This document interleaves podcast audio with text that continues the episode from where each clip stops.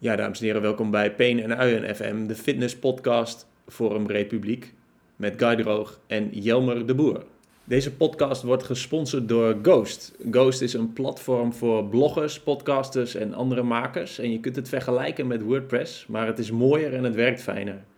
Het is volledig open source, heeft standaard SSL, is gemakkelijk op je eigen domein te installeren en maakt automatisch backups. Je kunt je publicaties opslaan als blogpost of direct versturen als nieuwsbrief. Je hebt dus geen extra Mailchimp-account nodig. Mijn favoriete feature van Ghost zijn de memberships. Je kunt namelijk gemakkelijk abonnementen instellen en posts alleen toegankelijk maken voor leden of alleen betalende leden. En zo kun je gemakkelijk je eigen ledenbestand met betalende gebruikers maken. Ik heb Ghost gebruikt voor mijn website autonomieboek.nl, waarop alleen mensen die het boek hebben gepre-orderd alle hoofdstukken kunnen lezen en de rest van de wereld alleen geselecteerde hoofdstukken. Ben je nou schrijver, blogger, podcaster of op een andere manier een maker? Probeer dan Ghost. Check peenuien.nl slash ghost. Dat is ghost met G-H-O-S-T. Dus peenuien.nl slash ghost. En dan nu de podcast.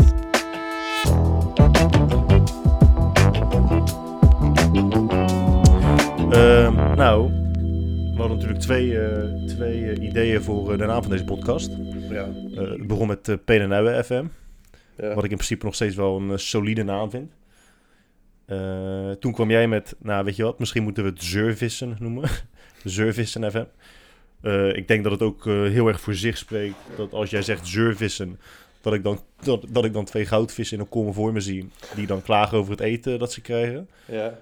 Toch? Dat, dat spreekt voor zich dat je dat dan voor je ziet. ja Maar wat, wat ik wel interessant vind is, ehm, op welk punt in de tijd dacht jij, nee, ik ben er toch echt eh, over uit dat en FM een betere naam is dan Service FM? Wel- Wat, wat waren de overwegingen? Ja, ik heb geen idee, man. Want ik weet niet, ik weet niet of mensen snappen wat peen en ui is. Want dat- voor mij was het ook nieuw. Met je peen...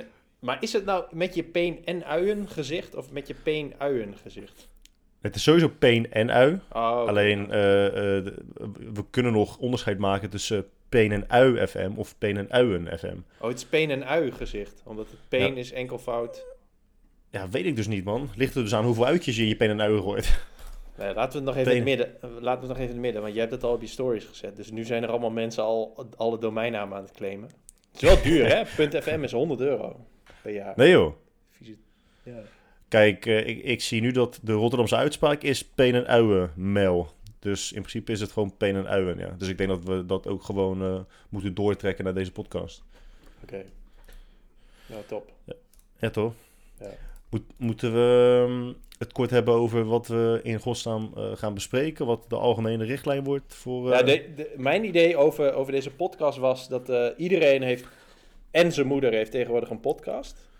Wij ook, maar wij hadden het natuurlijk al vet lang. Dus wij tellen, Ja. wij tellen niet mee met al die, die nieuwe eh, bandwagon eh CP's.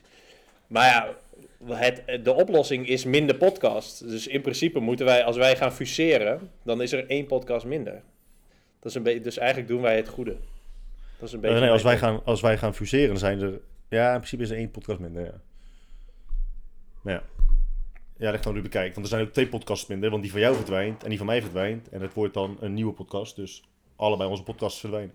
Ja, maar ik weet ook niet of het echt verdwijnt. Stel, eh, straks wordt het helemaal niks aan dit. Oké, maar laten we het hebben over wat we... Ja, we, we- we weten... eh, ja, laten we allemaal dingen op tafel gooien waarom we deze podcast gaan doen.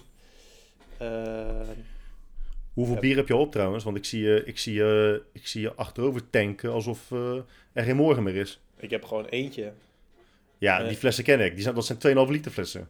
Halve liter. Ja, die is, bij, die is wel bijna op, ja. Maar dat is ook de enige die ik, eh, die ik heb. Dat is geen halve liter, dat is 0,75 toch? Nee, nee, halve liter. Oh, nou, dat vallen we mee. Ja. Dat vallen we mee. Ja. Eh, ja, waarom we deze podcast eh, hebben opgericht. Waarom wij de CEO en CFO zijn van deze podcast. ja. Moet, hij- moet Nou, ik dat zeggen? Oh. Ja, jij bent het creatieve, creatieve brein achter. Nee, ik denk dat er wel tien redenen voor zijn. Eén, omdat de podcast eh, eh, gewoon eh, vet is. Twee, omdat eh, we het leuk vinden om met elkaar te podcasten. Drie, omdat we elkaar regelmatig voiceberichten sturen en dan achteraf zoiets hebben van ja, waarom gaan we niet gewoon hierover in gesprek en maken we hier niet gewoon een podcast van? Eh, ja, dat, eh, oké, dat zijn er in ieder geval drie. En de andere zeven? Eh, omdat, eh,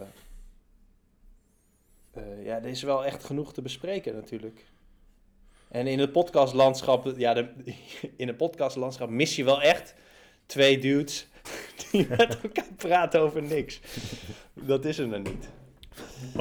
We, zijn ongeveer de 368ste eh, mensen die dit doen, toch? Gewoon met z'n tweeën ouwe hoeren over, over niks. Waaronder ik- fitness. Ja, ik zei tegen jou, van eh, het, het, wat, wat succesvol lijkt in het podcastlandschap zijn gewoon twee dudes die met elkaar praten over een onderwerp en de hele tijd uitweiden vanaf dat onderwerp. En of dat nou wielrennen is of voetbal of, of, of eh, weet ik veel, eh, Apple dingen of ja, dat, kan van alles zijn.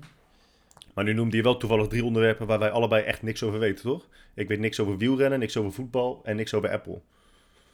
Nee, ja, ik ook niet echt. Maar ik luister Behalve dat Tim Cook wel... op Ellen DeGeneres lane. Ja, dat is wel waar, ja. Dat is wel waar. Ja, eh, ja, van voetbal eh, weet ik inmiddels ook niet zoveel meer. Maar ik luister toevallig wel een voetbalpodcast. Dus ja, Wat dan? Luister je een voetbalpodcast? zeker. Echt? Ja. Waar gaat het dan over? Ik vind, ik vind voetbal een beetje hetzelfde als, eh, als politiek. Je hebt al die voetbal, al die, hoe, hoe noemen ze die mensen? Ehm, zeg maar die alles beter weten. Maar dan in voetbaljargon. Analytici. Nee. hoe noemen ze dat nou, joh? De, de, de, de huiskamercoach of zo? Hoe noemen ze dat nou? Eh, ja, weet ik niet. Nou, doet er niet toe. Maar in ieder geval dat iedereen die thuis zit het altijd het beste weet. Als het gaat om voetbal. En dat is precies hetzelfde met, met, met politiek. Dat zie je nu toch ook bij, die, eh, bij de verkiezingen in Amerika. Of überhaupt als het om verkiezingen gaat. Dat iedereen die dan in de gym spreekt. Of in de tram spreekt. Of eh, buiten op straat eh, hoort praten met elkaar. Iedereen weet altijd wat het beste is voor het land. Op dezelfde manier als iedereen het altijd beter weet als het gaat om een voetbalelftal coachen. Ja. Daar kan ik nooit zo, eh, nooit zo goed mee overweg. Nee, wat ik, wat ik, wat ik dat klopt sowieso wel. Alleen, ja, ik vind, hoe zeg ik dat? Voetbal is echt wel, het is de meest niksige wat er op de wereld gebeurt, zo'n beetje. Het boeit echt geen ene kloot. Wat er, of, of die persoon nou wel of niet tegen een bal trapt. En of die bal wel of niet tussen de palen komt, zeg maar. Dat, dat, is, dat is gewoon niks, zeg maar. Dat slaat nergens op. Eh, qua effect op de wereld. Maar het, ik vind het zo mooi dat mensen zich er zo druk om maken. Maar deze podcast maakt zich er helemaal niet druk om over. Die zijn helemaal niet kritisch of zo. Het heet ook neutrale, die, het heet ook neutrale kijkers. Shout-out, neutrale kijkers. Het heet Neutrale Kijkers. Ja. Dus, en dan, gaat, eh, dan gaat het... Ja, maar laten we inderdaad niet te, te veel eh, reclame maken voor eh, neutrale kijkers. Eh, want dan zijn we straks gelijk onze, onze eerste drie eh, luisteraars eh, kwijt. Onze eerste en laatste drie. Nee, ja, ik vind ze moeten blijven luisteren. Maar eh, waren we nog bezig met het lijstje waarom we deze podcast maken? Eh, voor mij zat je op eh, punt drie of vier. Je had er drie gehad. Maar ik vind- Ik vind het ook heel gezellig om jou nog wel eens eventjes te spreken. En om je gezicht te zien. Nou, de mensen zien het, de mensen zien het nu niet. Solide baard. Allebei een goede baard. Ja. Eh, nee, dat, dat is, eh, dat is eh, wederzijds, man. Ehm, als wij elkaar voiceberichten sturen, gaat het wel 99 van de 100 keer over, eh, een eh, over service. Of eigenlijk over gebrek aan service. En, en ik, ik vermoed dat onze podcast daar niet heel veel over zal gaan. Ehm, Nee. eh, het punt is dat het een, een fitnesspodcast wordt, maar we gaan het denk ik heel vaak niet over fitness hebben. Ik denk dat het het merendeel van de tijd niet over fitness gaat. Nee, denk ik ook niet. Maar is er trouwens een fitnesspodcast? Want ja, dat, moet dat moet toch haast wel? Ik bedoel, Ja, dat vast voor mij is ook alles een podcast. Ja. Nee, maar die is niet zo goed als deze. Nee, maar tot nu toe hebben we het... eh, hoe- ik weet niet hoe lang we nu in gesprek zijn met elkaar. Ik, eh, voor mijn gevoel al best wel lang. Ja. Eh, voor mijn gevoel al best wel lang. Voelt als een soort, soort bevalling. Maar het is, we, we hebben het nog niet over fitness gehad. ja we kunnen het wel over fitness, over fitness hebben. Fitness überhaupt nog? Heb je nog die zaalvoetbalschoenen waar je ooit mee hebt gebouwd? Nee, maar ik vind het best wel kut dat ik ze niet meer heb. Want eh, ik zou wel graag wel weer een keer willen zaalvoetballen. Dat is wel echt eh, dat is wel een toffere sport dan fitness. Fitness is sowieso niet een leuke sport. Meestal niet. Maar eh, ja, ik heb wel vandaag getraind. Met een oud schema van Jordan Bres. Waarom lach je dan gelijk zo? Ja, ik vind het gewoon grappig, want ik train ook best wel vaak met een, nog steeds een oud schema van jou uit 2015. en, en het mooie is dat als ik nu weer een schema zou maken, zou ik waarschijnlijk gewoon een schema uit 2015 kopiëren en plakken. Dan zou ik in plaats van uh, Richard of, of, of Willem, zou ik het Joumer noemen. Joumer powerlift schema driedaags. Punt XL XS of zo is het toch? Ja, precies. Dus ook weer.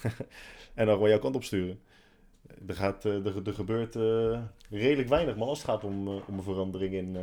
ja, nog gewoon even wat, wat reps en wat herhaling of wat, wat sets veranderen. En dan, en dan ben je klaar. Dan is het gewoon, ja, dat is goed. Is het goed. Maar, die, maar je zegt net, uh, fitness vind jij niet, uh, fitness is, is niet heel leuk, fitness. fitness. Dus jij wilt zeggen dat als jij aan het trainen bent, dat jij niet de dopamine rush ervaart. Ja, jawel. Alleen wel minder dan ooit, zeg maar. Of dan, nee, niet minder dan ooit, maar minder dan het bijvoorbeeld vijf jaar geleden was, zeg maar. En ik denk ja, dat ik heb die al... dopamine rush nog nooit ervaren. Ja, ja, ik weet dat jij het ook niet zo heel gaaf vindt, toch? niet zo heel gaaf. Nee, nee, dat, dat, dat, is, uh, dat is een understatement. Het is, toch, het is toch ook gewoon vanaf het begin tot aan het eind is het afzien. Het is ja, discomfort. Klopt. Jawel, maar het is, het is... Kijk, er zitten wel leuke aspecten aan, toch? Ik bedoel, het is, het is best wel een leuk... Het kan best wel een leuk gevoel zijn om bijvoorbeeld een, uh, een goede deadlift uh, te doen. Of een, een goede uh, set te doen, toch? Bijvoorbeeld. Of te benchen dat is inderdaad leuk, maar dan na die ene set heb ik ook zoiets van, ja, weet je, deze ene set vind ik eigenlijk wel voldoende. Want de tweede set en de derde set en de vierde set zijn altijd een stuk uh, minder, minder prettig. Ja, dat klopt. Dat had ik dus vandaag was ik die uh, Dumbo Rows aan het doen. Vind ik sowieso een van de kutste oefeningen, omdat ja, dat is gewoon discomfort vanaf, vanaf het Dumbo begin. Rows? Ja. W wanneer, heb je getraind? wanneer heb je getraind? In 2002? nee, ik zei toch dat het een oud schema was? maar, maar uh, kilo? 48 kilo per dumbo? Ja, ja, minstens. 148. maar uh, ja, dat, de, precies wat jij beschrijft had ik, had, heb ik wel. Dan doe je vier sets. En dan is de eerste set is het al kut. En dan denk je, ja, sorry. Ik moet nog drie sets met ja. hetzelfde gewicht. En dan wordt het alleen maar kutter. Zeg maar. en, dan, en dan zijn de eerste vier minuten pas voorbij van je training. En dan moet je nog anderhalf uur. Wij trainen ja, bij Vondel Gym. Ja, klopt. Ja. Hoe is het daar met uh, coronamaatregelen? Uh, ja, best wel strikt. Omdat Arie is natuurlijk ook de voorman van dat... Uh, ja, hoe heet dat? Dat... dat Nederland NL Fit of zoiets. Nederland, hoe heet zoiets? Zo'n branchevereniging. NL Fit volgens mij, ja. ja. NL Fit. Dus ik, ik neem aan dat het er ook wel mee te maken heeft dat de gyms waar hij eigenaar van is, dat die het goede voorbeeld moeten geven. Maar overal beleidingen. Je moet tussen je oefeningen je mondkapje op en alles schoonmaken natuurlijk ja, op zich best wel, best wel oké. Het kut is gewoon dat je moet boeken voor je plek. En dat het, uh, ja, dat moet je drie dagen van tevoren uh, doen. Want anders zit het vol, zeg maar. Drie dagen van tevoren gaat, het, gaat het open. Ja, dan moet je er wel echt bij zijn. Ja, heb ik het voordeel dat ik wel gewoon smiddags om half drie kan trainen. Dus dan, is er niet, dan zijn er niet zo heel veel mensen. Maar alsnog raken die slots wel vol. En er zijn altijd uh, uh, 30 mensen binnen. Tenminste in de avonturen. Maar dan weet je niet wat je bent dan in de avond. Ik zei net trouwens heel overtuigend, ja, het is NL Fit. Alsof ik uh, weet waar ik het over heb. Um, maar als ik dat google, dan zie ik in principe niks uh, relevant. Maar ik zie wel NL actief. Misschien is dat het. misschien is dat het wel, ja. Maar uh, ja, ik weet niet hoeveel mensen er zijn. Volgens mij zijn er twaalf plekken, of misschien inmiddels wel meer, om vrij te kunnen trainen. Omdat je dan ook een beetje afstand kan houden van elkaar natuurlijk. En ja ja, dat, dat kan wel gewoon prima. Maar ja, het is wel gewoon... Ik zat al te denken, want ze hebben de gyms natuurlijk nu open...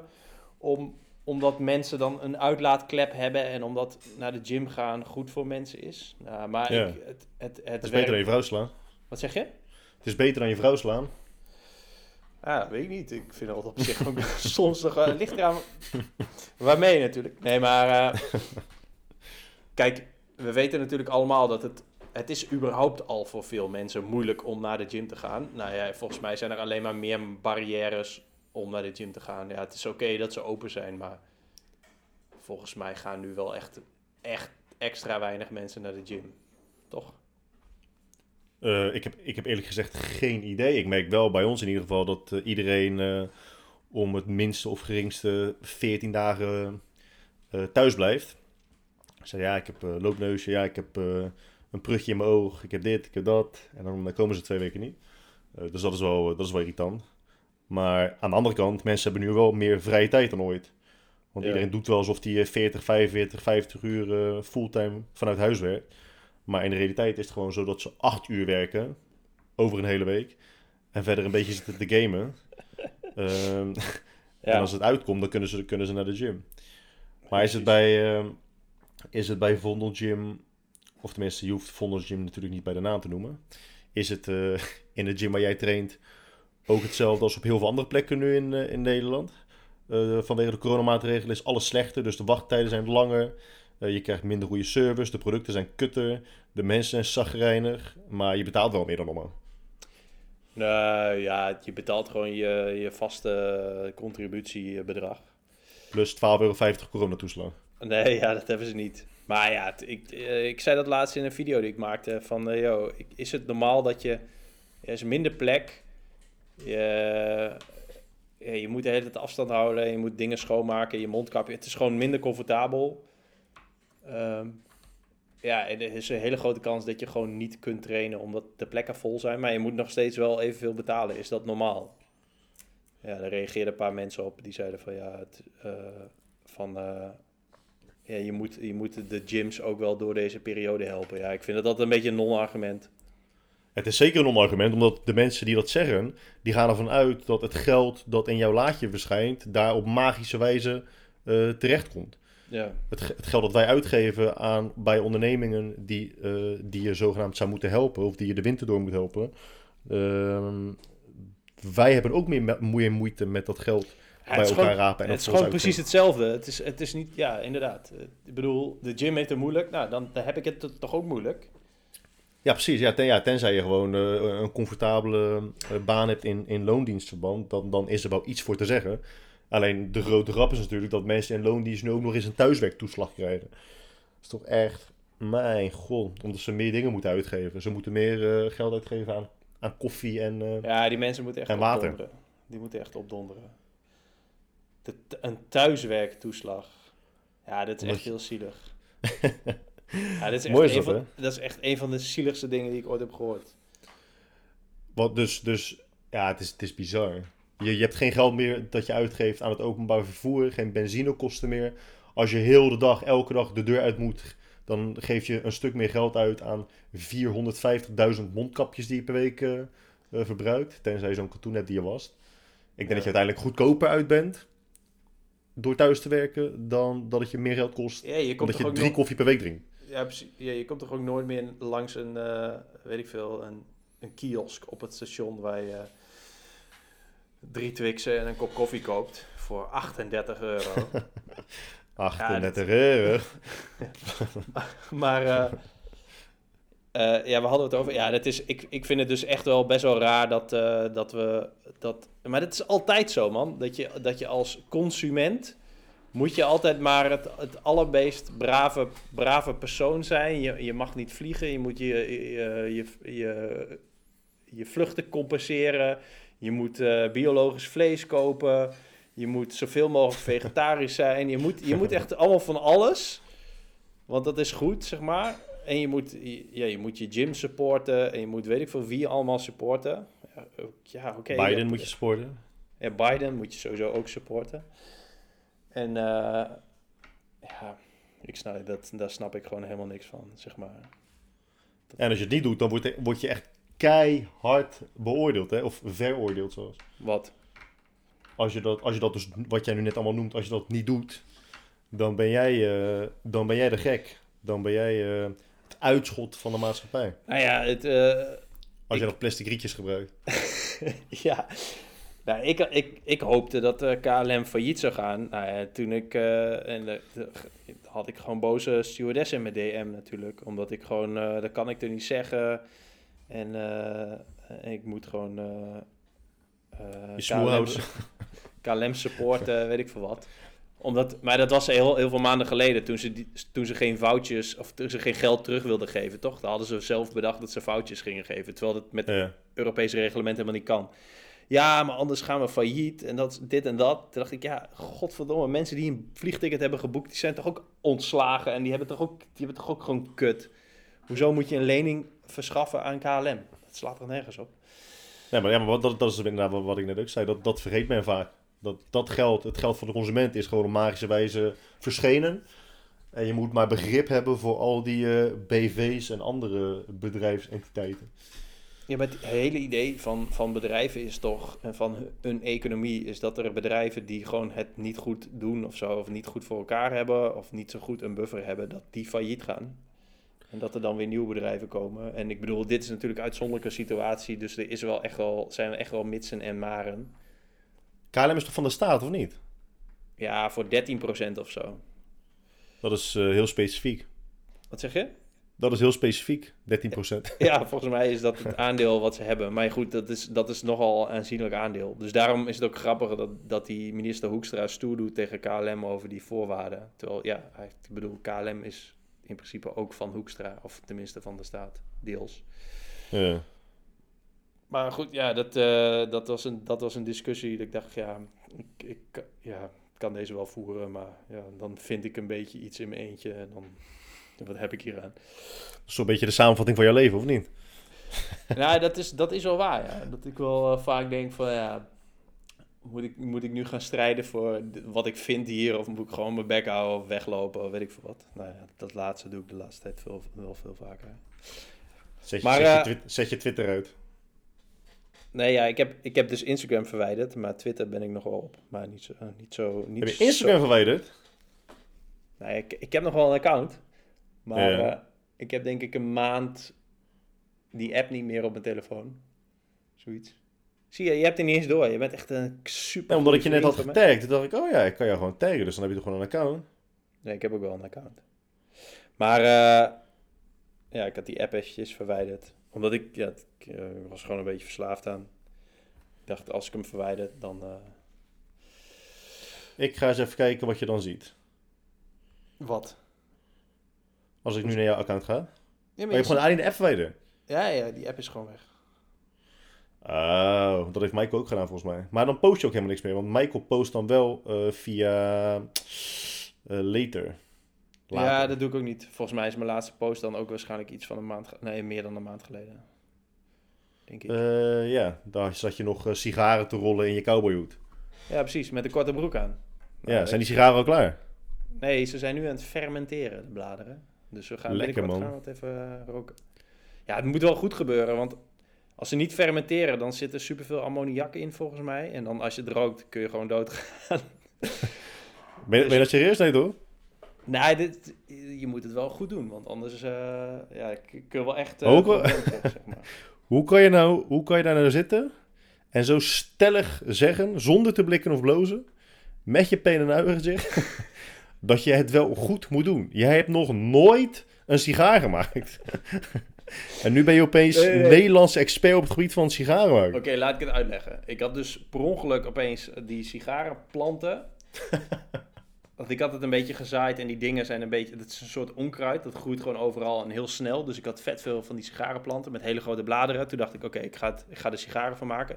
Maar wat je moet doen is drogen en daarna fermenteren. En ik, was, ik had, was aan het drogen, dat is niet zo moeilijk. Je hangt ze gewoon op en dan droge bladeren, zeg maar. Ja. En, eh, maar ja, je moet ze dus ook fermenteren. Dus ik ging opzoeken van, oké, maar moet dat wel echt? Of kun je niet gewoon, kun je niet gewoon hier een sigaar van rollen en dan, dan rook je dat ding op? En er staat van, joh, als je ze niet fermenteert, dan zit er dus allemaal eh, zooi in die bladeren. Dat als je ze dan rookt, ja, dan ben je gewoon een soort van kampvuur in je bek aan het douwen. Oké. Oh, En nice. dus, top. ja, dus ik, ja, ik weet niet zo goed... Ik weet nog de eerste keer dat ik, eh, de eerste keer dat ik een eh, jointje rookte, was op eh, de basisschool volgens mij groep 8. top. Ja, dat is heftig hè. En toen kocht ik, kocht ik via een, een bekende, die had, ik weet niet, die, die had wiet op de een of andere manier verkregen. En ik had nog nooit in mijn leven een joint gerookt of gedraaid. Of ook maar iets wat in de buurt kwam van tabak gerookt. En ik wist ook echt helemaal niet hoe je een joint maakt. Dus ik had zo'n klein vloedje gestolen van mijn vader, want die rookte check. Had ik eh, wiet in gedaan. En had ik gewoon het checkie, of dat, dat vloedje had ik naar elkaar toegevouwen. En dan had ik er gewoon plakband omheen gedaan. Dan heb ik dat op staan roken. en sindsdien, ik, ik zou met enige zekerheid durven stellen dat ik sindsdien eh, niet meer hetzelfde ben. Nee, Ik denk dat het daar ergens bergafwaarts ging. kan ik me goed voorstellen, ja. Zo, dat is heftig. Liet je nou scheten of was het je stoel? Nee, zo stol. Oh, s- heftig man.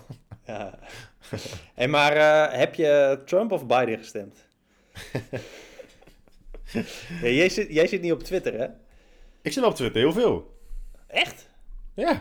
Huh? Alleen wat- ik heb, een, eh, ik heb een andere naam op Twitter. Omdat ik het eh, vooral voor crypto gerelateerde dingetjes gebruik. Ah, En ik, en ik post niks. Ik post niks. Ik zag toevallig eh eh eergisteren of zo nog, nog jouw... zo, sorry, corona. Ik zag nog jouw post voorbij komen van die kerstboom. Je bent wel heel vroeg hoor, jezus. Maar ja, dat moet je inderdaad lekker zelf weten. Ja, Jenny wilde het echt een paar weken geleden al. Want toen waren we al in de intratuin. Gaat nu nog een blogpost maken over de kerstboom? Jazeker. Jullie hebben, ik moet wel heel eerlijk zeggen, er zit wel heel weinig versiering in jullie kerstboom. Ik zag alleen maar lampjes.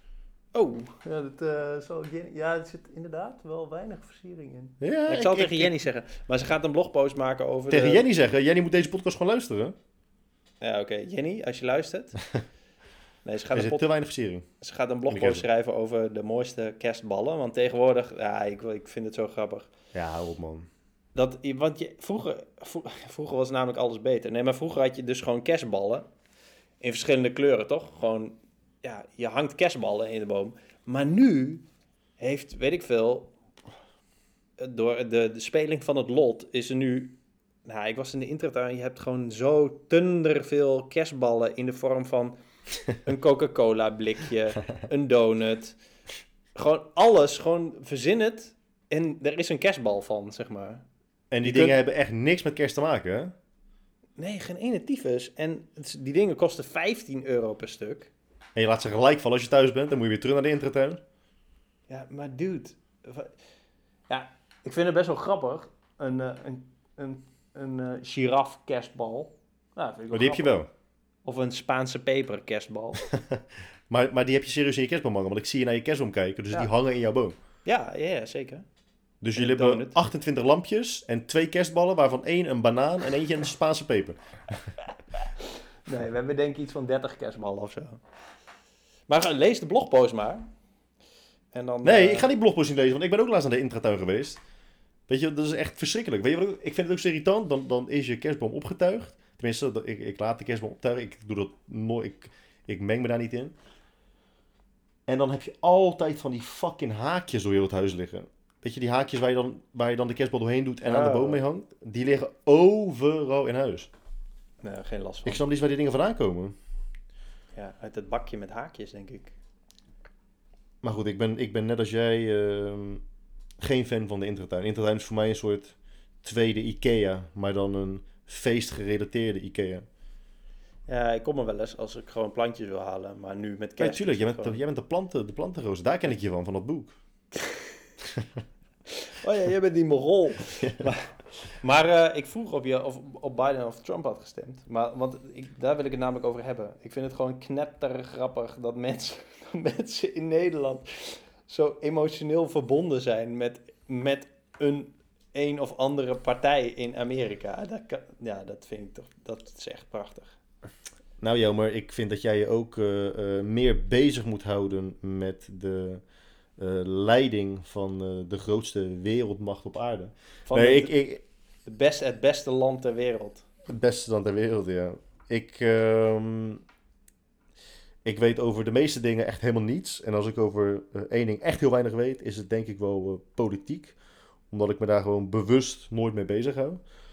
Eh, ik vind dat een beetje onderdeel van de illusie die men graag controle noemt. Ehm, daarnaast vind ik het ook altijd lachwekkend dat mensen altijd een ehm, partij kiezen of ophemelen op basis van één standpunt of één eigenschap waarmee eh, de persoon in kwestie zichzelf het meest identificeert. Een, een, een, relevant voorbeeld. Eh, mijn moeder komt uit Israël. Nou, Trump is meer pro-Israël dan Biden. Dus Trump is voor haar per definitie absoluut de beste kandidaat. En Biden is gewoon absoluut een slechte kandidaat. Op basis van dat ene punt. En dat merk je, dat zie je zoveel. Mensen stemmen dan op, op een kandidaat die meer pro-gay of pro-dit of pro dat is dan de ander. En op basis van, van dat ene punt, de ene als, uh, als superieur beschouwen ten opzichte van de ander. Niet begrijpen dat je uiteindelijk heb je altijd beide kanten nodig om ergens hopelijk tot een middenweg te kunnen komen. Je kunt niet, je kunt niet alleen rechts hebben zonder links en je kunt niet alleen maar uh, Democrats hebben zonder Republicans. Je hebt ze altijd allebei nodig. Dus uiteindelijk ja, is, het, is het denk ik niet zo heel erg relevant wat jij van alles uh, vindt. Maar we hebben het wel vaak over sensationalisme gehad, toch? Dat mensen altijd van het een naar het andere hoppen. Daar halen ja. veel mensen hun, uh, hun levenskracht vandaan. Ja. Ja, klopt. Waar haal jij je levenskracht vandaan? maar weet je wat ik dus zo opvallend vind? Dat, dat vind ik dus echt heel erg mooi. Um, tenminste, mooi is, is misschien niet het, het, het, het beste synoniem voor wat ik wilde zeggen. Maar als de omstandigheden enigszins normaal zijn, en ik, ik denk dat we het erover eens zijn dat de huidige omstandigheden uh, redelijk abnormaal zijn, dan is een terroristische aanslag is echt iets, iets uh, benoemenswaardig. Dan zie je dat over op social media. Free dit, free Libya, free Paris, je suis, je suis Paris. Weet ik veel wat, wat ze allemaal zeggen. Afgelopen twee weken zijn er twee aanslagen gepleegd. En ik heb daar echt bijna niemand over gehoord. Sterker nog, als ik het aankaart in de gym bijvoorbeeld, zei gewoon het merendeel, zei, zei, zei de meerderheid dat ze er gewoon niks van over hoort. Omdat iedereen zo bezig is met zijn eigen, tussen aanhalingstekens, crisissituatie. Hmm. Dat het echte verdriet en verderf in de wereld mensen ook gewoon ontgaat op dit moment. Maar wat is je punt dan? Dat het wel moet, zeg maar. Want het is toch ook altijd een argument dat je daar geen aandacht aan moet schenken, omdat dat precies het doel van terrorisme is. Nou zeker, en dat zou, dan, dat zou dan zeker het algemene standpunt uh, moeten zijn. Maar mijn punt is dat ik het uh, uh, opmerkelijk vind dat als mensen zich niet hoeven te bekommeren over waar ze wel of geen mondkapje op moeten, dat een terroristische aanslag dan het benoemen waard is. In ieder geval het over inlezen waard is. En nu op dit moment, je hoorde, er gewoon, je hoorde er gewoon niemand over. Er is gewoon iemand onthoofd in een Europese stad. En iedereen die, die, die zit hier nog steeds met, ja, godverdomme, moeten we nou wel of geen mondkapje op naar de Albert Heijn? ik, vind, Ja. ik vind dat mooi. Ik vind Ja. dat mooi. Ja, ik weet niet, ja. En dat punt was dus alleen maar aansluitend op het feit dat we het net zeiden, dat mensen van het een naar het andere hoppen.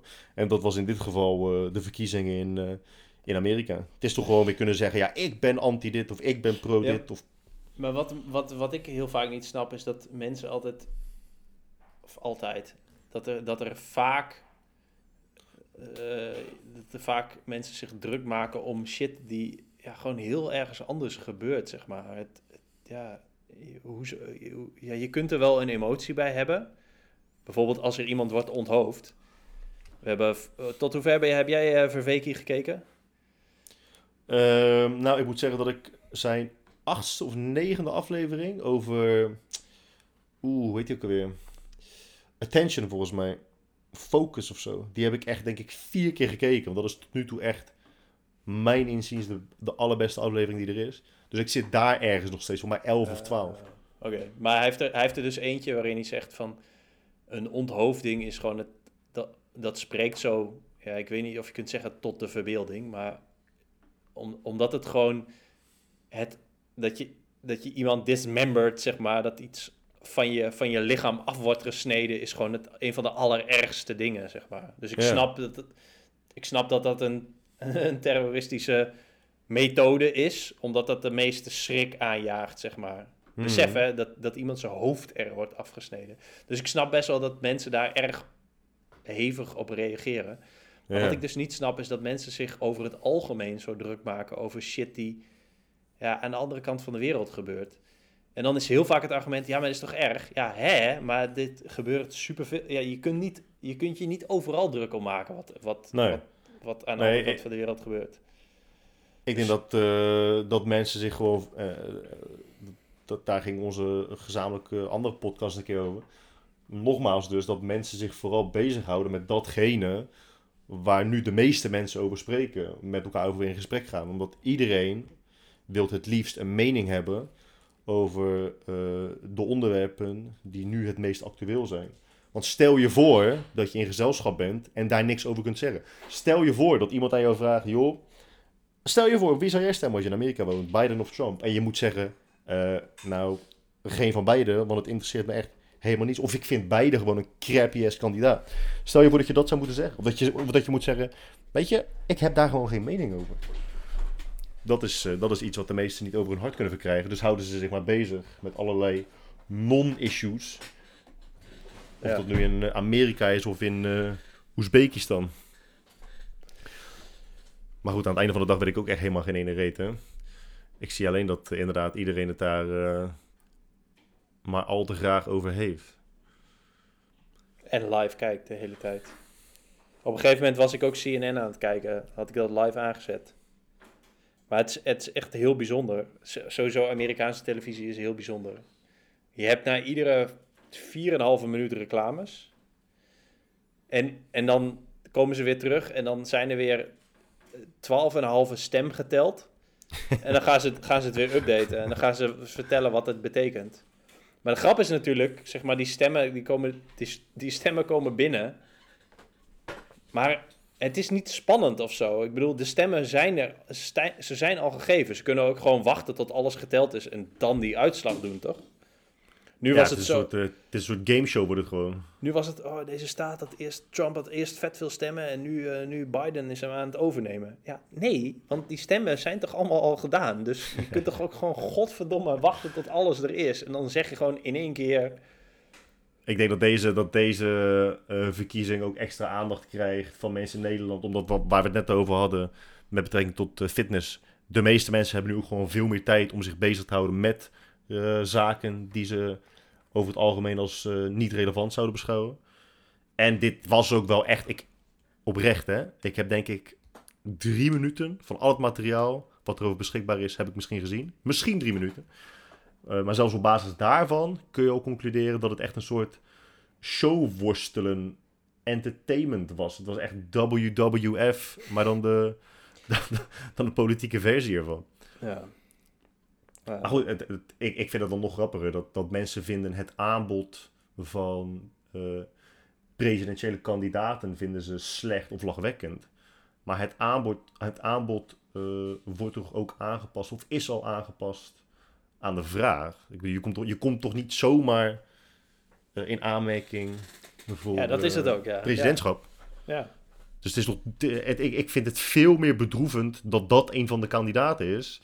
omdat het ontstaat op basis van eh, de vraag die ernaar is. Dat is, toch, dat is toch zorgwekkend. Niet dat Trump president is. Niet dat, dat hij is hoe hij is. Maar gewoon het feit dat dat, is, dat, dat de persoon is die wordt, die wordt gekozen. Ja. ja, klopt. Maar wie heb je gestemd? Wanneer is er eigenlijk weer verkiezingen in Nederland? Ergens in maart, toch? Of zo? Oprecht geen idee. Echt niet. Eh, Jij stemt, jij, stemt, jij, stemt, eh, jij stemt GroenLinks volgens mij, toch? Partij van de Dieren. Ja, Partij voor de Dieren. Ja, maar ik zeg altijd Partij van de Dieren, man. Heel irritant. Ik heb een keer Partij voor de Dieren gestemd. Ik heb een keer GroenLinks gestemd. Ik heb een keer CDA gestemd. Jij, jij stemt dus gewoon alles, zodat je elk, elk, elke verkiezing bij een ander Twitterclubje kan zitten. Ja, precies. Nee, ik stem gewoon wie de lekkerste gozer is. Nee. Eh, nee, ik weet het niet. eh. Volgens mij heb ik iedere keer nog gestemd op basis van die stemwijzer. Maar dan kom jij, maar hoe kan dat dan? Dus als, als, als de vraag is, eh, vind jij dat er in Nederland vooral plastic rietjes, eh, of plastic rietjes of kartonnen, rie- kartonnen rietjes gebruikt moeten worden? Zeg jij dus karton? Katoenen En dan- rietjes. Nee, karton, karton.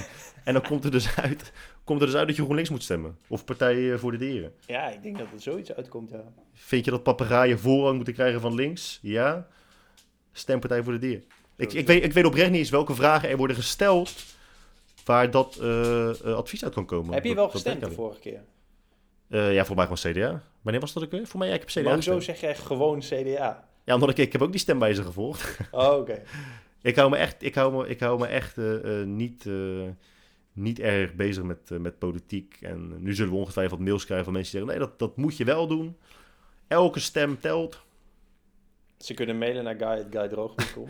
Ik snap het gewoon niet. Kijk, dan, dan, dan bestel je bij de domino's, even los van het feit dat het bekertje van plastic is eh, en, het, en het rietje dan van karton is. Terwijl het, rietje, eh, terwijl het bekertje veel meer materiaal nodig heeft dan het bekertje, dan het rietje. Maar dat je dan dat, dat zompige kartonnen rietje in je mond krijgt en dat je daar dan aan zuigt en dat er gewoon niks meer uitkomt. En dat je het rietje na twee minuten moet weggooien. Dat, dat is toch niet waard? Ja, dit, eh, dit, ja ik vind eh kartonnen rietjes ook echt een van... Ja, dit is wel 2019 eh, dingen, toch? Of 2018 wat is nu- misschien wel. Wat is dan de 2020 versie? Nee, nee, maar ik bedoel, het is wel echt oud nieuws. Maar het is wel echt een van de domste dingen die er ooit zijn bedacht om de aarde te redden. Ja, maar omdat mensen zijn er nog steeds van overtuigd. lo- Los van het feit dat het wiskundig gezien gewoon niet klopt, is het ook in, in bepaalde gevallen aantoonbaar onjuist dat alle kleine beetjes helpen. En het kan gewoon niet zo zijn dat als de grootste eh, landen in de wereld, China, Rusland, eh, het hele fucking continent Afrika, het merendeel van de vervuiling veroorzaken, dat als Nederland, een fucking land van 3 bij 3 meter, kartonnen rietjes gebruikt dat het opbokst tegen, tegen die vervuiling van miljarden mensen die, die geen seconde van het jaar bezig zijn met eh, vervuiling van de aarde. Omdat ze 8 cent per dag verdienen. Ja, maar Guy, jij, jij moet het goede voorbeeld geven. ja, omdat, eh, omdat Mahatma uit India, die eh, hoopt dat hij de maan doorkomt zonder een of andere verschrikkelijke ziekte of zijn familie uit te zien hongeren. Die gaat op, op Instagram kijken om te kijken hoe de, hoe de West-Europese bevoorrechte bovenklasse het, het, eh, het doet, het voor elkaar heen. Ik, ik las laatst een vet mooi boek. eh, eh, How the World Thinks heet het.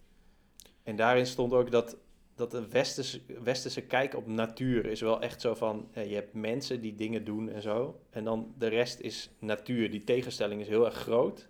Ja, En in heel veel andere culturen is het gewoon hetzelfde.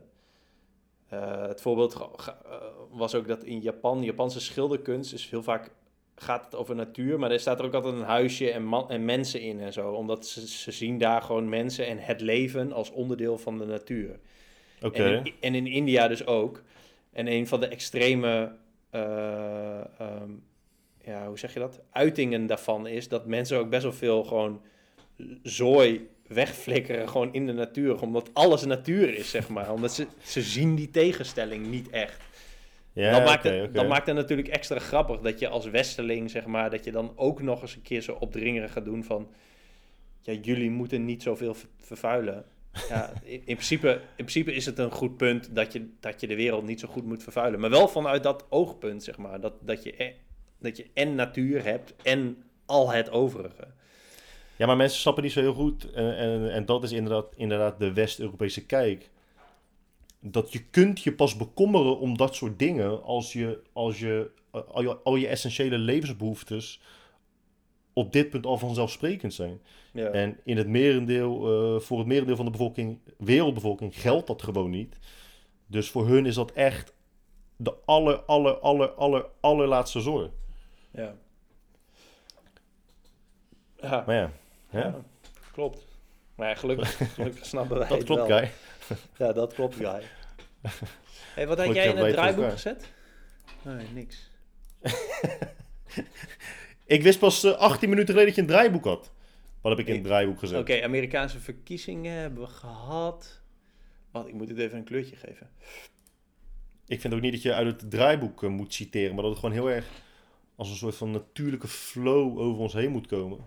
Want nu ga je, ga je er met twee benen gestrekt een nieuw onderwerp eh, tegenaan ik heb denk eh, ik nog nooit in mijn leven, behalve dus vandaag, een draaiboek gemaakt. Ik weet ook niet. Het is, ook, eh, het is ook helemaal geen draaiboek. Je hebt gewoon vier punten in een, in een document gezet. een draaiboek. Maar we hebben het net over de natuur gehad, dus we kunnen het nu over Treevember hebben. Maar Ja. ik dacht dat Movember in november was. Waarom is het Ja, nu maar- best Treevember? Ja, maar ik zie dus van die abris in, in Amsterdam. Als ik bijvoorbeeld van mijn huis naar ja, Amsterdam loop, dan moet ik met, eh, met zo'n eh, veerpont. En dan staan van die abris bij. En ik zag dus Treevember, want het heeft dan een of ander PR-bureau bedacht dat je dan in november moet je dan ja, Planten. een, bo- een boom planten of zo. Maar Alleen- in, wel, in welke maand plant je over het algemeen planten en bomen. Jij weet dat als geen ander. Je hebt dat boek Nee, boom, bomen kun je wel in, de, in het eh, najaar planten, want dan moet de eerste vorst er overheen. En dan, eh, en dan eh, daarna gaan ze. eh, Dus nu ben je te wortelen laat. zei- Nee, nee, nu kan het dus juist heel goed. Alleen, mijn Ja, dus- punt dus- is. Wat?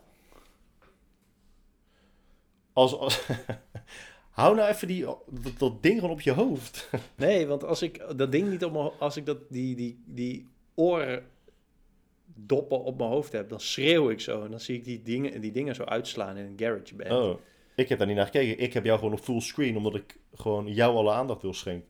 Oh, ja. Eh, maar als, het, als november sowieso de meest vanzelfsprekende maand is om bomen te planten, waarom moet er dan een, waarom moet er dan een specifieke naam krijgen? Alsof, het is toch geen uitzondering? Dit is toch de meest vanzelfsprekende maand, zeg je? Ja, mijn punt is gewoon dat zo'n beetje iedere maand, iedere week, iedere dag is nu tegenwoordig een, de dag van de puntje, puntje, puntje. Maar Treevember, het tree lijkt ook niet eens op no. Dus doe gewoon even normaal, zeg maar. Nee. Verzin, verzin iets beters, zeg maar.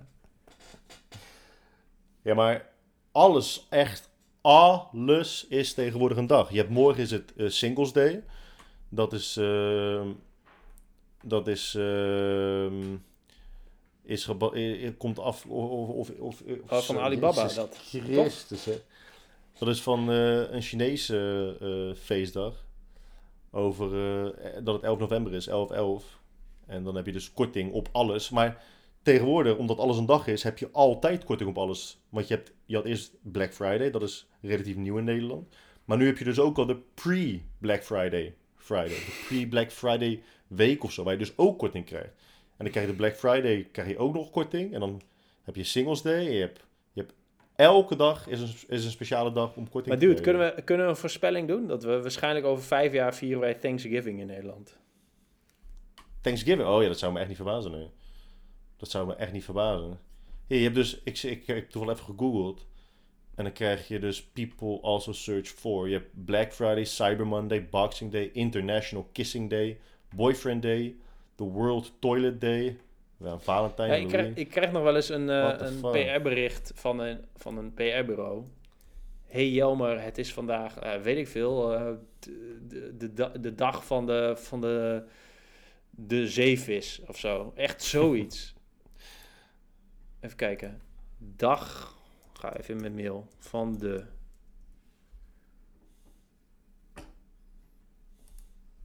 Nul resultaat. Your point is invalid.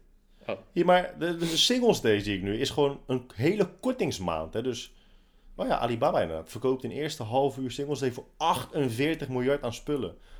Holy shit. En dat donderen ze uiteindelijk allemaal de zee in. ja, dat doen ze, die Chinezen. Die Chinezen. Ja, ik kan niet Eh, vinden. eh, De dag van de interna- internationale dag. Maar goed, eh 3 november. Ja, Ja, maar, maar, en of maar jij er dan aandacht aan wil besteden zeker. maar Wil jij er dan aandacht aan schenken? alles is... Vandaag is de dag van de, van de hamburger. Hè? Vandaag is het... eh, het is dierendag, maar het is ook eet geen dierendag. Het is... eh, ergens in januari is het toch Blue Monday. Dan heb je toch zo'n zo'n dag dat de kutste dag van het jaar is. Ja, maar dan krijg je Ja, want- natuurlijk krijg je superveel korting bij een webshop. Want eh, ja, om je op te vrolijken. Ah, je donder op. Eh, eh. Maar Ja. het deed me dus denken, dat had ik ook in het draaiboek gezet. Dat ik heb ooit een keer, het, mijn slechtst gelezen artikel op mijn blog volgens mij, is over dat ik me druk ging maken over dat, je hebt, je hebt zeg maar de, de zeven wereldwonderen uit de, uit de oudheid, waarvan er twee in Griekenland zijn en twee in Turkije en twee in Irak en eentje in Egypte, zoiets. Twee En, eh, Irak. Ja, daar hangen de tuilen van Babylon en nog iets volgens mij. Oh ja, goed. gelijk ook. En eh, twee van die dingen bestaan nog, of eentje of zo.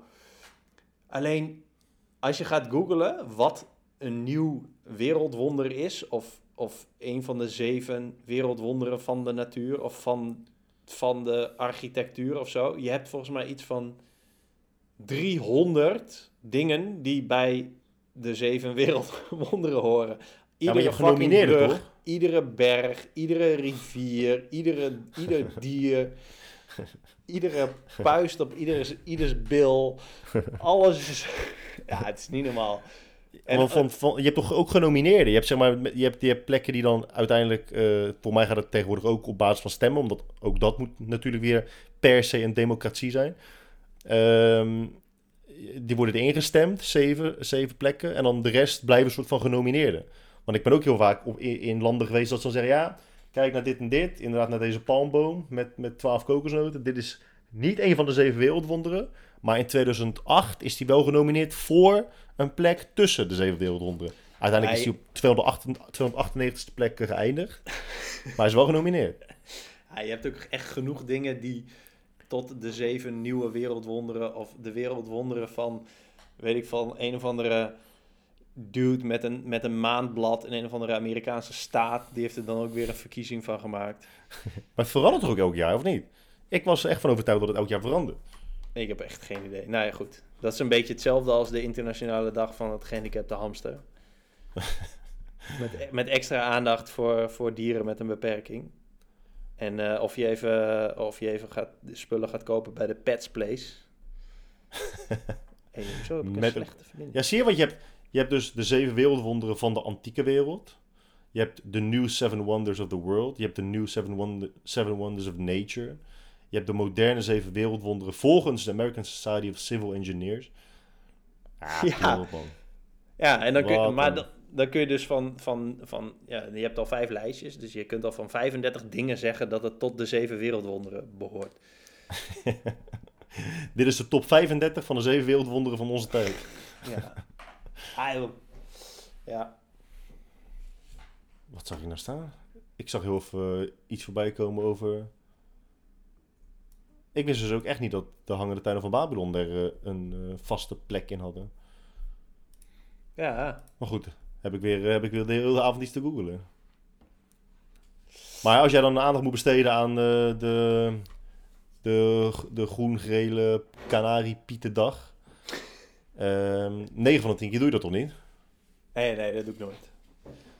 Want ze hebben nooit dat- budget, toch? Het is dan, eh, het is dan een multimiljardenbedrijf, beursgenoteerd. Spenderen elk, ma- elke maand geven ze 18 miljoen uit aan, aan marketing. Je ziet ze elke 24 minuten zie je ze op RTL 4 met een reclame voorbij komen. En dan, en dan sturen ze jou een bericht en dan zeggen ze... joh, Jelmer, zou jij eh, acht posts kunnen plaatsen op eh, Instagram? Met, met We hebben deze geen hashtags, budget. op, op, dit tijdstip, met deze hashtags, met deze, deze vorm. Maar we hebben, ja, het, het is echt We een hebben van de geen budget. We hebben, e- dat is een van de bijzonderste dingen die ik vind, hoor. Dat je gewoon...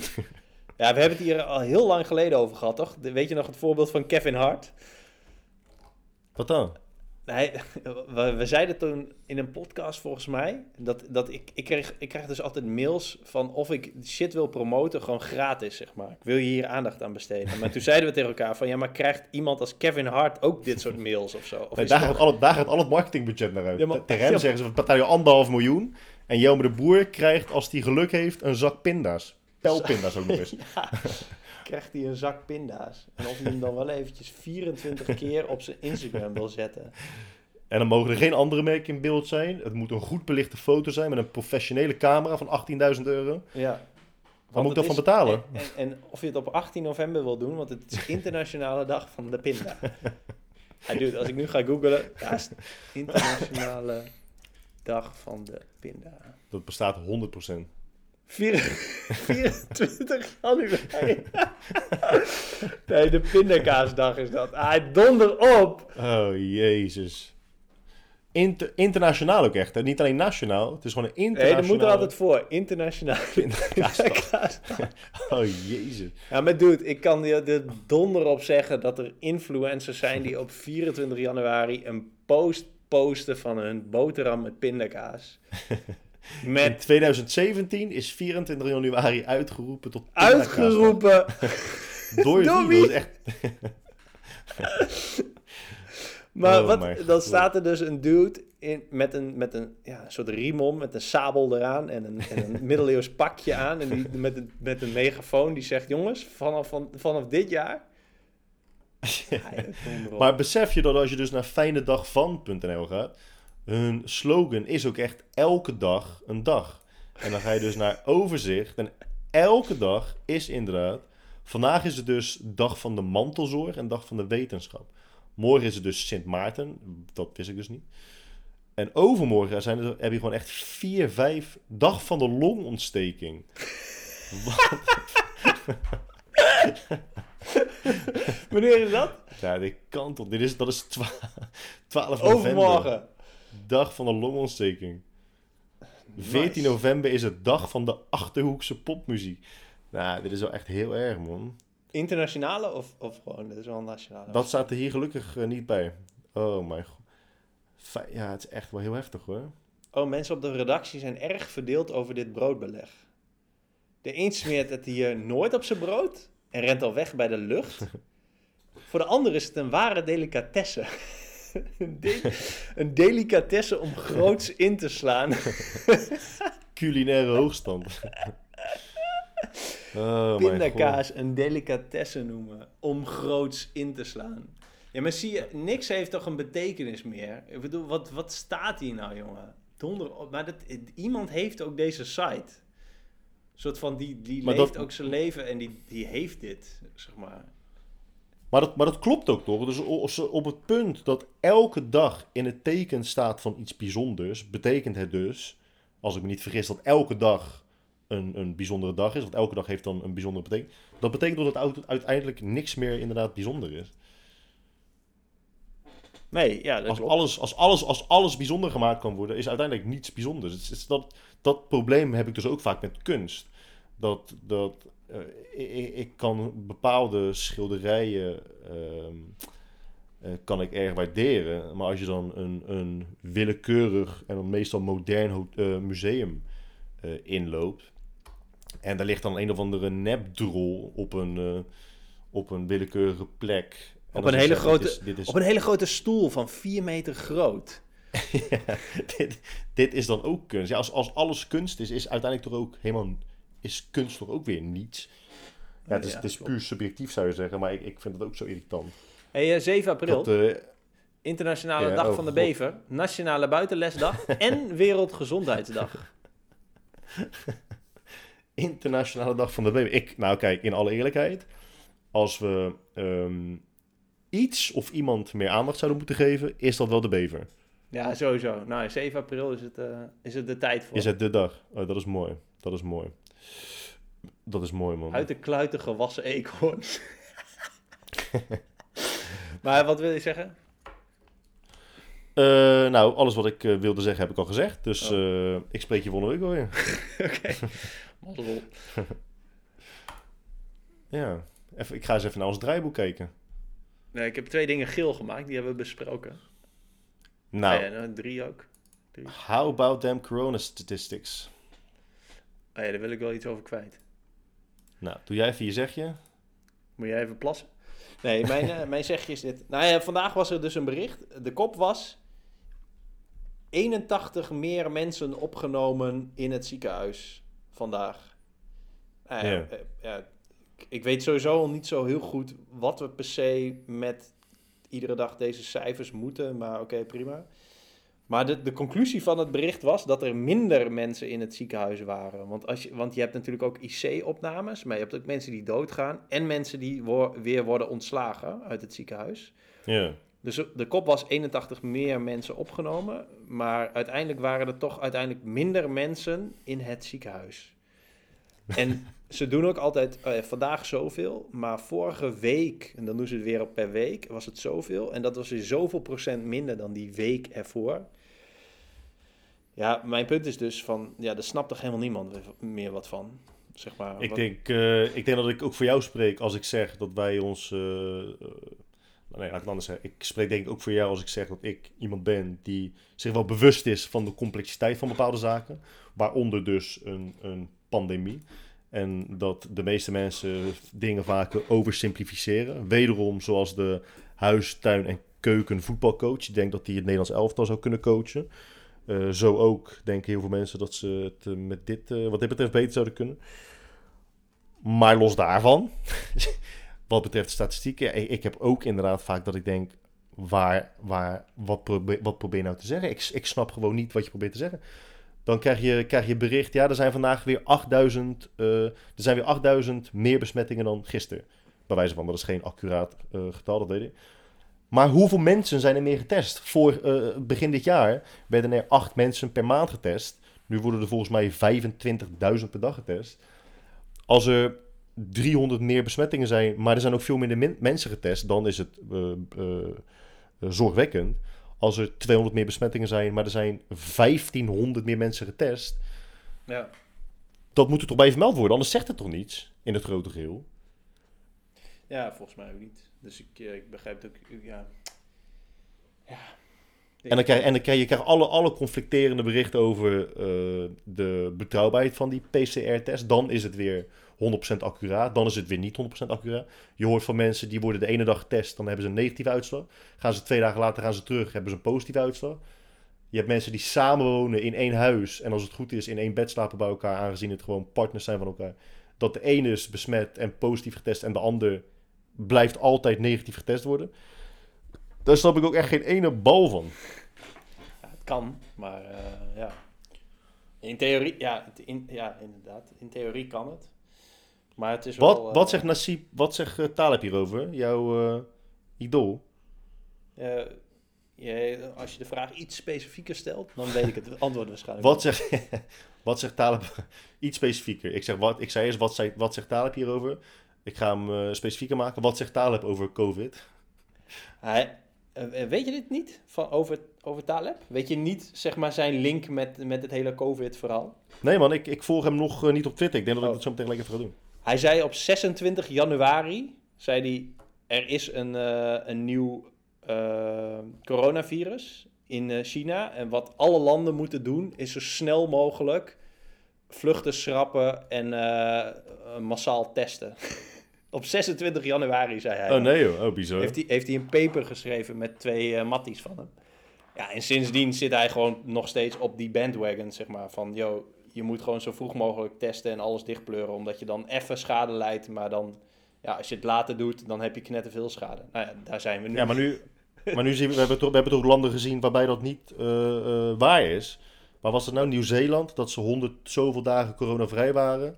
Toen hebben ze de lockdown opgeheven en binnen no time waren er weer heel veel besmettingen. Israël heeft twee keer een totale lockdown gehad. ja. En dat heeft uiteindelijk ook weer geleid tot eh, nou ja, bijna Maar- volledige van de omstandigheden. Nieuw-Zeeland is wel weer nu bijna weer eh coronavrij. En eh, Taiwan en Thailand. Ja, maar in Nieuw-Zeeland wonen acht mensen en die wonen 25 kilometer uit elkaar. Ja, het is ook zo. Maar je hebt En die hebben alle acht corona. Ja, ja, maar je hebt natuurlijk wel steden en zo waar mensen gewoon net zo doen als hier in steden. Dus in principe, eh, ja, het idee is gewoon dat als je zicht hebt op de besmettingen, dat, dat is in ieder geval wat Taleb zegt, van als je het weet en heel veel bronnen- en contactonderzoek kan doen, ja, dan kun je het gewoon regionaal een beetje dichtpleuren. En natuurlijk is het in een eiland zoals Nieuw-Zeeland, ja, dat is ver weg van alles, zeg maar. Eh, een leuk feitje is dat Amsterdam dichter bij Thailand ligt dan Thailand bij Nieuw-Zeeland ligt. Zo ver li- eh, ligt het weg, zeg maar.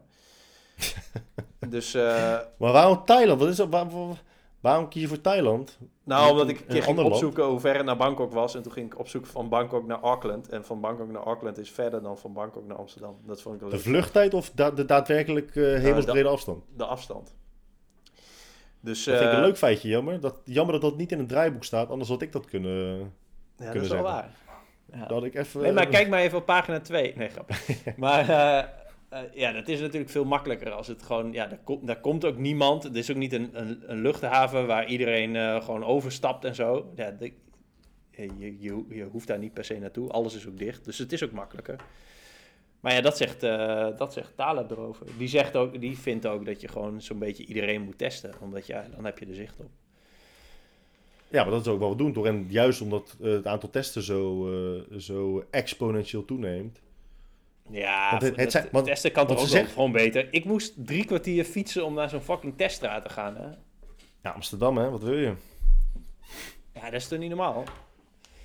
Maar het is ook niet... Het is ook niet... Ik wil een test nou kunnen kopen bij de kruidvat. Zeg maar, hoezo, maar hoezo liggen die dingen er niet dan? Gewoon even Je kan, zo- je, kan, je kan in Nederland kan je niet eens eh, Vicks kopen die eh, een te heftige mintgeur heeft. Laat staan dat je mensen PCR-testen gaat verkopen. Dan, dan, ik denk dat je binnen, binnen drie dagen is 80% van de wereldbevolking gewoon blind aan één oog. Heb je al zo'n test laten doen of niet? Ja, hey, dat is, hey, maar luister. Kijk, dit is nu gewoon serieus. hè. Zo'n test is heftig hoor. Ja, ja hè? Ik, heb het, ik heb het dus een paar dagen geleden gedaan. Maar je hebt er twee, hè? Ik was daar dus niet van op de hoogte. Je hebt twee verschillende afnames van zo'n PCR-test. De ene test is... ehm, als, jij, als jij dus naar de zijkant kijkt, weet ik niet of je bent afgeleid door iets... of dat je juist jouw oor mijn kant op richt, zodat Nee, nee, ik ben alle eh, woorden... aan het nadenken, zeg maar. Maar ga verder. Ik zie jouw hele kop niet meer, hoor, omdat het staat slecht Nee, oh, verbinding. nee, ik zit... Oh, Tom.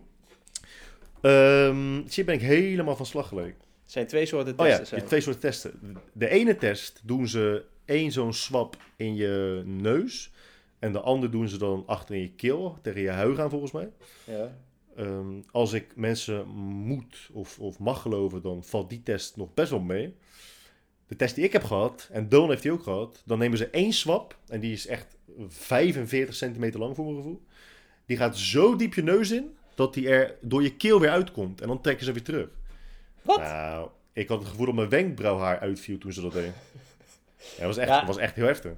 Ja, ik hoorde dus verhalen van mensen die zeiden van ja, ze gaan echt diep je neus in. Nou, ik vond het, vond het wel meevallen dat hoe diep het was. Maar ik had gewoon het idee dat er gewoon en punaises en sriracha en peper en sambal op dat ding zat. En terpentine, gewoon echt. Wie zei dat dat niet het geval was?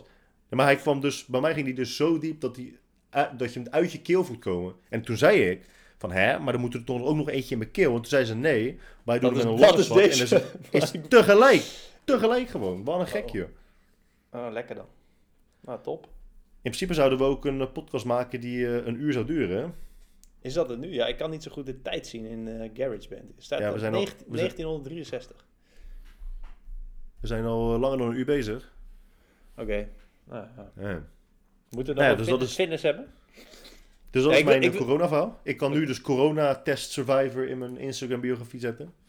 Ja, misschien moet je daar een, een leuk boek over schrijven. Ik wil eerst, eerst was je gewoon guy en daarna ben je. eh, je bent, je- jouw leven is wel gevormd nu door deze test. mijn leven is eh, aanzienlijk veranderd, ja. Gewoon Ke- permanent.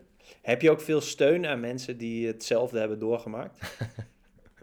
Ja, en eh, ik, ik, ik ben nu ook blij dat ik zodanig veel richting heb gevonden in mijn leven dat ik passie heb gevonden. En ik word nu ook coronatest survivor coach. kan, ik, kan ik me al inschrijven voor je webinar? Of, eh, of Eh, gaat, ja, die is, gaat, die, die, is, gaat die binnenkort open? die is 59,95 per maand. En hij opent pas over 12 maanden. En dan kan je... ja, nee man. Ik mag het jullie eindelijk vertellen. Mijn, mijn cursus Corona-test Survivor Coaching. Oh, dat is ook zo mooi van die, van die Instagram-post. Ja, dat, dat iemand zegt... Ik heb, echt, ik heb echt geweldig nieuws dat ik met jullie wil delen. Maar ik mag het nog niet, ik mag het nog niet zeggen. Dus ik doe dat pas eh, volgende week. Dus jullie moeten nog even in spanning afwachten. Niemand zit ook maar een seconde in spanning af te wachten. Echt niemand ligt in bed wakker. Wat zal dat nou zijn van die, van die kut-influencer? Ik, ik ben er gewoon niet over uit wat het zou kunnen zijn. Ja, waarschijnlijk Ik denk, ik denk dit of dat. Waarschijnlijk zijn er drie mensen en die denken gewoon precies het goede. Oh, ze, ze, gaat waarschijnlijk, ze gaat waarschijnlijk een of andere wazige kutcursus aanbieden over hoe je zo, zo, zo stabiel mogelijk in het leven kunt staan. Of ze, of ze ontwikkelen een veganistische supplementenlijn. Of ze krijgen een bijrol in GTS Het is altijd een van die drie dingen. Ik mag het jullie ben- eindelijk vertellen.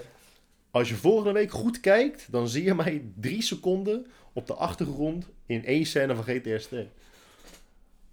Mooi. Ja, mooie dingen. Hey, maar ik, ik wil nog wel één ding weten uit het draaiboek. En dan nemen we de rest al even... Oh nee, de rest is... Dat is het ook trouwens. Eh, maar volgens mij hadden we hier ook een voicebericht over. Maar ja, daar kunnen die mensen niet meeluisteren. Wat je ervan vindt dat gyms wel open zijn, maar fucking bioscopen en, bi- eh, en bibliotheken niet. Ja, ik ben natuurlijk eh, niet eh, heel neutraal daarin. Ik, ik ben aan de ene kant blij dat eh, gyms open mogen blijven. Wat, Ja, ik, ik- wat ik slecht vind. en aan, ik, kijk, enerzijds vind ik het slecht, anderzijds snap ik het ook wel. Want het is veel efficiënter als het gaat om regelgeving. Om alles over één kant te scheren. Als jij gewoon zegt: horeca is altijd horeca. Ondanks dat er een noemenswaardig verschil zit tussen een drie sterren restaurant waar in totaal zes mensen binnen zitten die acht meter uit elkaar zitten, sowieso al. Of een bruinkroeg met 400 studenten die elkaar onderkotsen en onderniezen. Ja, dat wordt allebei onder de noemer horeca geplaatst. Ja, dat, snap ik ook wel. Dat het, dat het gewoon makkelijker is. Dus die En hetzelfde met gyms. Hetzelfde met gyms. Maar ja, differentiëren, is, differentiëren is, is, is onmogelijk. En dat, da- ja, daardoor is het, eh, dat als, als ze dat niet doen en ze gooien dus alles dicht, is dat oneerlijk. Of oneerlijk, is het kut eh, voor sportscholen zoals wij die hebben. Maar voor de, voor, voor eh, de verspreiding van ehm, het virus zou dat natuurlijk wel gewoon verstandig zijn. Want wat, wat jij in je draaiboek hebt staan, dat je elkaar wel mag eh, onderkreunen in een muffe kelder die men dan een gym noemt. Ja, dat, dat klopt natuurlijk ook gewoon. Als jij met 40, nou 30, 30 man in een gym staat van 200 vierkante meter. Want dat is ook zo. hè. Ze kijken niet naar hoeveel, hoeveel vierkante meter het is. Het is gewoon 30. Dat is gewoon het absolute aantal 30. Dat is, ook bij, is dat ook bij gym zo? Ik weet Ja, dat dus het ja. bij, eh bij bruiloften en begrafenissen is het of 20 of 30. En in Het gyms is, de- het is 30, maar onder de voorwaarde dat je een anderhalve meter afstand kunt bewaken. Maar er is niemand die zegt, joh, Basic Fit, wij komen vandaag even kijken eh, of er wel exact anderhalve meter afstand eh, zit tussen de 30 mensen die in jullie sportschool aanwezig zijn. Nee, maar ik snap, ik snap ook wel dat, dat soort van die anderhalve meter, ja, dat, voor mij hoef je dat ook niet te controleren. Ik bedoel, de meeste mensen houden zich eraan, dat is prima. Je hebt gewoon een paar stoere gastjes op scooters die, die, die vinden van niet, zeg maar. Die dragen ook geen mondkapjes eh, als ze met het OV gaan, of net onder een kin of zo. Ja, die doen gewoon stoer, prima. Maar dat is ook een beetje de leeftijd, zeg maar. Dat, dat heeft ook helemaal geen zin om je daar druk om te maken. Ehm, dus ja, dat snap ik wel. Alleen, ja, ik, ik vind ik, ja, ik ben ook zo best wel een hypocriet. Want ik ga gewoon naar de gym omdat ik het eh, wil. Maar ik, ik vind het denk ik wel een van de goorste plekken, zeg maar. Om, Ja, is het ook hoor. Is het ook. Maar ik, vind wel dat eh, er wordt natuurlijk heel veel aandacht besteed aan hoeveel mensen eh, ziek worden en uiteindelijk misschien wel doodgaan of ziek blijven door corona. Maar ehm, het verlies van levensjaren en levenskwaliteit door ehm, andere factoren die niet direct te maken hebben met besmetting van corona is natuurlijk ook groot. Als je kijkt naar hoeveel, eh, hoeveel als je kijkt naar de toename van ehm, mensen die geestelijke gezondheidszorg nodig hebben nu, dat is ook wel eh, schrikbarend. Eh, en als, als sport dus inderdaad een uitlaatklep blijkt te zijn voor heel veel mensen, waardoor ze zichzelf eh, of niet van kant willen maken of anderen van kant willen maken, dan is dat in principe, in principe ook wel een, eh, een, ja, dat is wel, voordeel. is wel een goed punt, ja. Dat kan, dat kan ik me ook echt wel voorstellen. Omdat ik, ja, dat, dat merk dat zelf ook wel. Ja. Dat je gewoon geestelijk, ja, gewoon lijp wordt soms van de beperkingen. Jazeker. We zitten natuurlijk altijd te geinen, weet je, dat, dat mensen dan thuiswerken, dan krijgen ze thuiswerktoeslag. Dat, dat is dan ook wel, dat is dan ook best wel grappig. Eh, maar aan de andere kant, als je, als, je het, als je sociale isolatie blijft doortrekken. Het is gewoon bekend dat sociale isolatie voor de meeste mensen echt niet te trekken is. Nee. Eh, en we, hebben het, we zijn helemaal ge- geïsoleerd omdat we elkaar nog kunnen spreken eh, en facetimen. Maar je merkt nu inderdaad al na, na bijna een jaar dat het wel echt zo'n tol begint te eisen voor, voor veel mensen. Alleen het grappige is dat het in het begin leken mensen er minder goed mee om te gaan. Weet je nog dat eh, dag, dag drie van de lockdown iedereen en dus ook iedereen's moeder ehm, Instagram story eh, eh, PT'en werd, al die home workouts. Holy Ja, ja, ja. shit, dat was ook heftig. Ja, Dat ook ja, heftig. dag 1 stond iedereen te deadliften op, eh, op drie hoog. Ik heb al twee dagen niet gesquat, maar vandaag leer ik jou hoe je dat met twee emmers water en een teddybeer kan doen. Oh, Ja, man. oh, ja. Nou ja, top. Ja, goed man. Ja, moeten we de... Waar zie jij de tijd dan? Oh, je hebt gewoon een... eh, Oh, je ziet gewoon de tijd in beeld. Het is half Je ziet gewoon hoe lang je aan het opnemen bent. Nee, niet de tijd, ik kijk niet naar de klok. Gewoon hoe lang je aan het opnemen bent. 1 minuut en 13, eh, 1 uur en 13 minuten. Ah, dat kan ik niet zien hoor. Op, in GarageBand. Ja, bij mij staat het gewoon... En staat het gewoon anders. Echt, hoe kan zo'n jonge halfgod zo'n digibate zijn? Hey, eh, oké, laten we afronden. Eh, wat de mensen moeten doen, is mailen naar guy.guydroog.com. Nee. mensen die dit hebben geluisterd, moeten gewoon... eh, het zou heel fijn zijn als die eventjes... Wij, wij, wij vinden feedback vinden wij heel erg fijn, hè? Eh, nee, maar mensen moeten gewoon even laten weten wat ze ervan vonden. En wat ze, wat ze graag zouden willen horen. Maar heeft dat dat invloed op het vervolg hiervan? Nou, qua structuur misschien. Of qua vaste dingen die we zouden moeten bespreken. Eh, welke het- structuur? Wat zeg je? Welke structuur? Ja, die er niet is, maar die er misschien kan komen als we, als we ja, bepaal- bepaalde zaken gaan bespreken. Ja, ik vind dat we de volgende keer, moet, mogen we niet vooraf kijken, moeten we gewoon naar eh, een nieuwsbericht, een nieuwswebsite gaan en dan gewoon nieuwsitems ook doornemen. Ja, dat was trouwens ook zo, want we hebben het heel even kort gehad over, over terrorisme en zo. Als je, als je eh, de afgelopen weken keek op bijvoorbeeld ad.nl, stond dat ook echt op de derde pagina. Je kreeg eerst acht nieuwsberichten over inderdaad corona, dan twee nieuwsberichten over Kim Kardashian en dan pas over eh, onthoofdingen in, eh, in Wenen. Ja. Kim Kardashian trouwens eh, heeft haar 40ste verjaardag gevierd hè, op, eh, op Tahiti. En was het ook tegelijkertijd internationale beverdag? Want dat zou mooi zijn. Ja, nee, ze is niet op 7 april jarig. Nee, maar... Heb je eh, Kanye West gezien bij, bij Joe Rogan? nee, was het vet? Dat is echt, het is, het is zo... Kijk, mensen die horen ons en die zullen denken, waar de fuck hebben jullie het over? Deze gozer is echt, die, die, die is in staat om gewoon een half uur aan één stuk door te praten. En Joe Rogan hoor je bijna niet. En je denkt op een gegeven moment echt, waar heb, waar heb je het over? Even, waar heb je het over? Maar hij vindt dus, eh, samenvatting, hij vindt dus dat hij eh, eh, is uitgekozen door God om de leider te worden van de, van de vrije wereld. Dus hij stelt zich ook verkiesbaar in eh, 2024. Dus dan weet je in ieder geval op wie je kunt stemmen als het zo Ah, ja, ja, ja. Ja, chill. Toch? Ja, die gozer moet gewoon eventjes zijn bek houden, toch? ja, maar oh, ja, ja, dit is ja.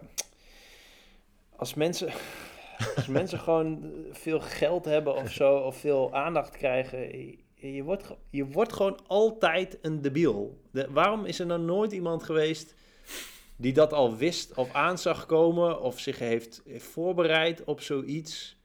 Dat kan Jij, gewoon toch? niet. Jij hebt daar geen last van gehad. Nee, dat is wel waar. Jij bent Maar- daar de uitzonderingen. Misschien Ja, moet je daar precies. coach in worden. normaal coach. nee, maar dat, dat is... Dat, ik, ja, natuurlijk zijn er uitzonderingen. Maar over het algemeen word je gewoon echt... Ja, gewoon echt een debiel. Ja, ik, daar, ik vind daarom ook Joe Rogan zo'n baas. Want die gozer is zo verschrikkelijk rijk. En heel soms zie je eh, hints van zijn, van zijn welvaart op zijn, in zijn posts. Dan zie je op de achtergrond zie je zijn autogarage staan, waar volgens mij 30 Ferraris in staan. En die, die gyms waar hij in traint zijn knettergroot, maar dat is altijd gewoon in zijn eigen huis. Oh.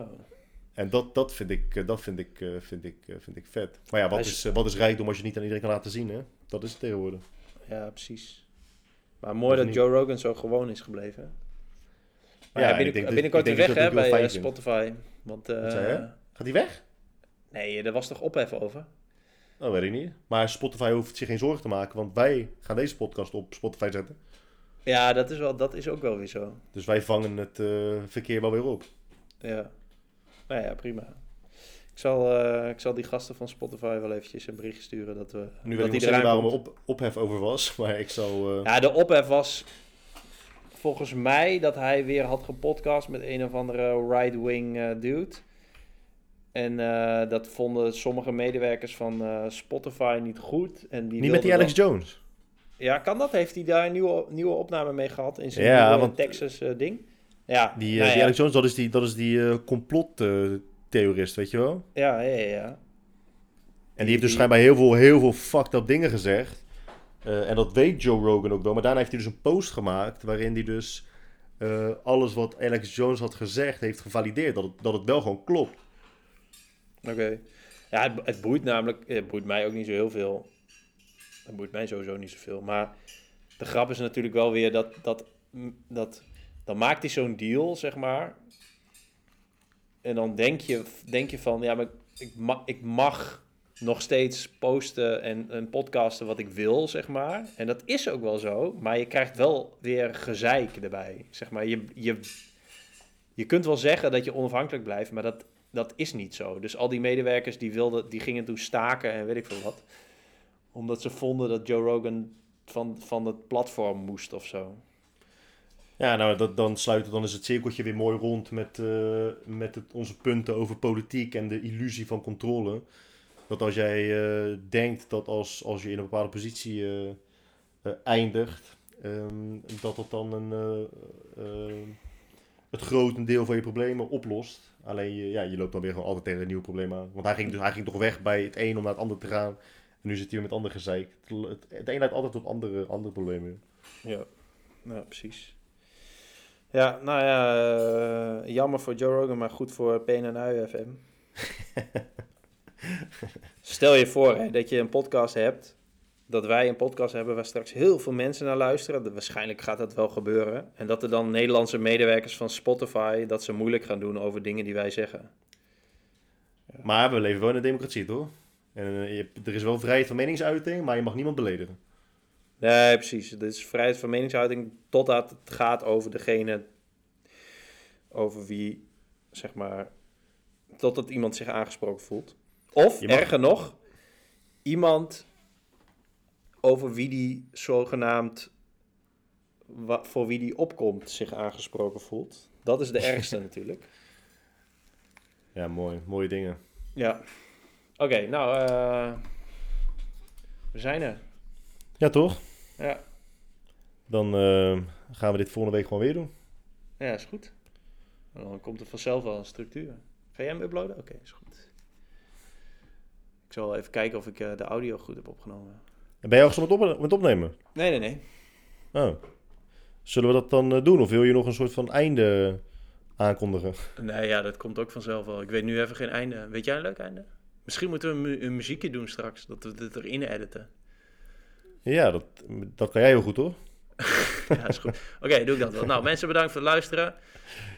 Yo.